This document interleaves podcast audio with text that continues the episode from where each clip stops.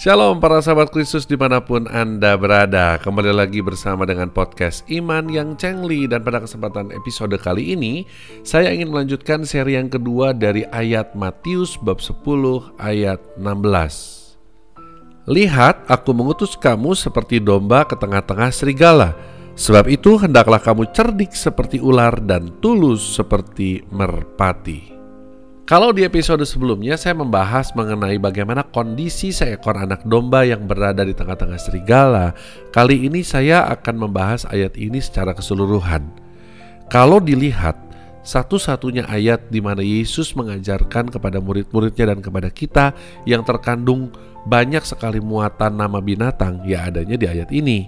Karena kalau kita baca sekali lagi, di sana ada domba, ada serigala, ada merpati, dan ada ular. Dan ternyata keempat binatang ini adalah mewakili ciri-ciri orang yang melayani Tuhan. Mau tahu? Mari kita lihat satu persatu. Ketika Yesus mengatakan kepada kita semua bahwa pelayanan kita seperti anak domba yang diutus ke tengah-tengah serigala, secara eksplisit Tuhan mau kita menjadi domba, bukan menjadi serigala. Lalu kemudian pertanyaannya, domba yang seperti apa? Di kalimat berikutnya dikatakan, "Sebab itu, hendaklah kamu cerdik seperti ular dan tulus seperti merpati."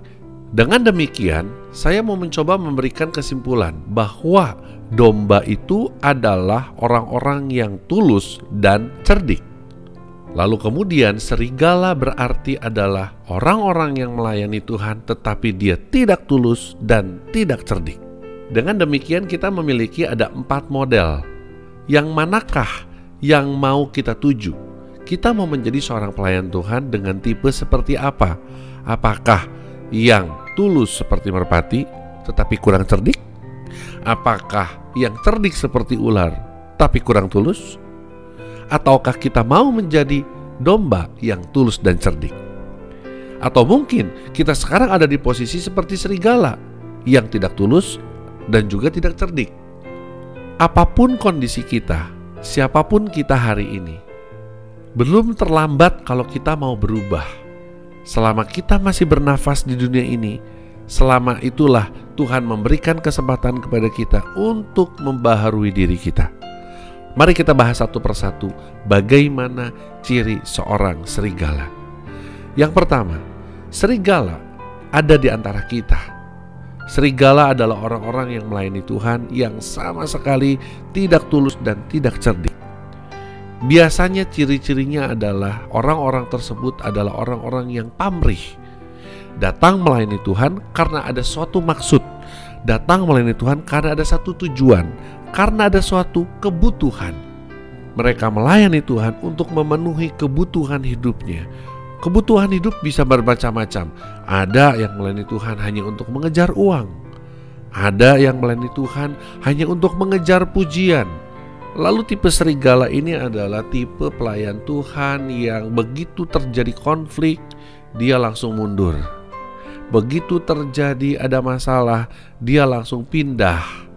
Tipe orang-orang seperti ini adalah tipe orang-orang seperti kutu loncat Ketika kebutuhannya di satu komunitas, di satu gereja tidak terpenuhi, dia pindah gereja, dia pindah komunitas. Tipe-tipe seperti ini adalah mereka yang munafik. Sebenarnya bukan sedang melayani Tuhan, tapi mereka sedang melayani diri mereka sendiri. Tipe-tipe seperti ini juga tipe-tipe yang senang tampil, orang-orang yang membutuhkan spotlight, orang-orang yang membutuhkan karpet merah, orang-orang yang membutuhkan tepuk tangan di dalam setiap aspek di dalam pelayanan yang mereka lakukan. Dan mereka ini adalah virus bagi gereja, mereka adalah virus bagi pelayanan. Dan biasanya para serigala senang berkumpul dengan kawanannya. Lalu tipe yang kedua adalah tipe merpati. Tipe merpati adalah tipe yang tulus tapi tidak cerdik. Tipe merpati boleh digambarkan adalah orang-orang yang melayani Tuhan tapi senang berada dalam zona nyaman. Tipe-tipe pelayan Tuhan seperti ini bisa dilihat bagaimana kehidupan pelayanannya yang datar. Tidak ada perubahan, tidak ada peningkatan, gitu-gitu aja. Mereka juga cenderung melihat pelayanan menjadi sebuah rutinitas. Mereka tidak betul-betul menghargai atau tidak betul-betul menghayati pelayanan merupakan adalah salah satu cara bagi Tuhan untuk mengubah hidupnya menjadi lebih baik. Terkurung di dalam ritual, mereka terkurung di dalam satu rutinitas. Orang-orang dengan tipe merpati seperti ini biasanya adalah orang-orang yang hidup dengan dunianya sendiri. Cenderung cuek, cenderung acuh tak acuh dengan lingkungan sekitarnya, dengan kondisi gereja, dengan kondisi pelayanan.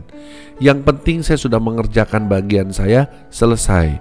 Mau ada apa pun di sekitarnya, kalau itu bukan bagiannya, dia tidak akan mengambil bagian karena nggak mau repot, nggak mau susah, nggak mau belajar dan kamu berubah. Lalu tipe yang ketiga para pelayan Tuhan ada yang tipenya ular. Tipe ular ini adalah tipe yang paling banyak. Tipe ular punya ciri-cirinya adalah orang-orang yang berpolitik di dalam pelayanan. Biasanya tipe ular adalah tipe yang paling munafik yang pernah ditemukan di dalam pelayanan. Di depan orang dia bisa terlihat suci, terlihat kudus, terlihat baik, tetapi ternyata dia sebenarnya di belakang orang-orang tersebut dia kalau bisa mematok, kalau bisa dia membunuh karakter orang-orang yang ada di sekitarnya hanya untuk keuntungan dirinya sendiri. Biasanya tipe ular adalah tipe-tipe yang cerdas. Biasanya di dalam bisnis atau di dalam masyarakat orang-orang tipe ular ini terpandang memiliki kedudukan, cukup berhasil di dalam kehidupannya dan dia merasa keberhasilannya, kepandaiannya, kecerdasannya itu akan mampu membawa dia menjadi seorang pelayan Tuhan yang sukses ketika dia melayani. Dan ternyata mereka akan menemukan banyak sekali hal ketidakberesan dan dia akan berusaha untuk menyingkirkan segala ketidakberesan yang ada yang dia lihat, yang mereka rasakan dengan berbagai macam cara. Mereka ini suka berpolitik, mereka ini suka menghasut, mereka ini pintar sekali dalam membuat sebuah skenario yang memenangkan pendapatnya, yang membuat dirinya lebih terpandang, yang membuat kehendaknya yang terjadi daripada kehendak Tuhan. Tipe seperti ini memiliki banyak sekali intrik-intrik dan kelicikan-kelicikan di dalam setiap pelayanannya. Dan tidak jarang tipe ular ini biasa muncul ketika orang-orang tersebut diberikan suatu kedudukan di dalam gereja, di dalam sebuah kepanitiaan, di dalam sebuah pelayanan. Biasanya tipe ularnya langsung bermunculan. Mereka pandai sekali mempengaruhi orang-orang di sekitarnya hanya untuk kepentingannya terpenuhi. Orang-orang seperti ini punya kecenderungan untuk berkuasa dan menguasai orang lain, bahkan mungkin terlihat berkuasa di dalam pelayanan. Kebutuhan orang-orang dengan tipe ular adalah mereka membutuhkan tahta. Mereka membutuhkan pengaruh yang kuat. Sehingga dia mampu untuk mempengaruhi orang-orang di sekitarnya, menguasai seluruh roda pelayanan. Dan akhirnya yang terjadi bukan pelayanan seturut kehendak Tuhan, tapi seturut kehendak orang-orang tipe ular. Tetapi jangan main-main dengan orang tipe ular. Begitu Anda yang berusaha untuk menegur orang-orang tipe ular, jangan terkejut kalau Anda tiba-tiba dipatok oleh orang tersebut karena ti orang-orang tipe ular tidak suka ditegur. Orang-orang tipe ular kecenderungannya adalah sombong, egois dan angkuh. Dan yang terakhir adalah tipe domba. Dan kenyataannya orang-orang pelayanan yang tipe domba ini adalah tipe yang sangat jarang ditemui di gereja. Orang-orang tipe domba adalah orang-orang yang benar-benar sungguh-sungguh menghargai pelayanan dan sungguh-sungguh memaknai pelayanan menjadi suatu tugas dan tanggung jawab yang mulia yang dia harus emban dan dia harus laksanakan dengan penuh tanggung jawab dengan penuh kasih. Dan domba dijadikan suatu simbol oleh Tuhan kita Yesus Kristus untuk mau menggambarkan apa?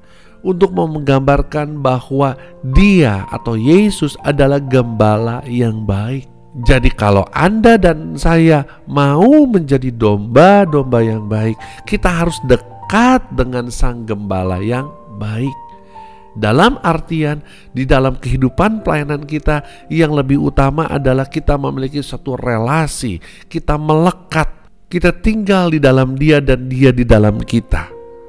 Sehingga ketika kita pelayanan bukan lagi karena kuat dan hebat kita, tetapi karena roh Allah yang hidup di dalam kita yang keluar terpancar lewat setiap apa pun yang kita lakukan.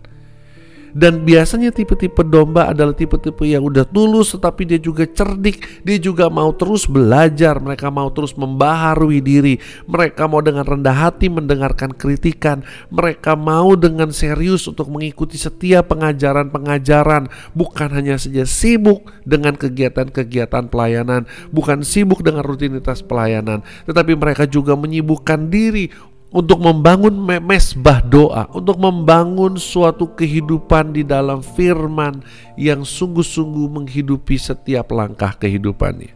Nah, sekarang pilihan ada di tangan Anda. Saat ini Anda berada di posisi mana? Apakah Anda seorang pelayan Tuhan dengan tipe serigala? Ataukah Anda menjadi seorang pelayan Tuhan tipe merpati? Atau mungkin Anda seekor ular? Dan saya katakan kepada Anda, belum terlambat. Mari kita berubah, mari kita maknai panggilan kita di dalam pelayanan untuk kita menjadi domba-domba yang baik.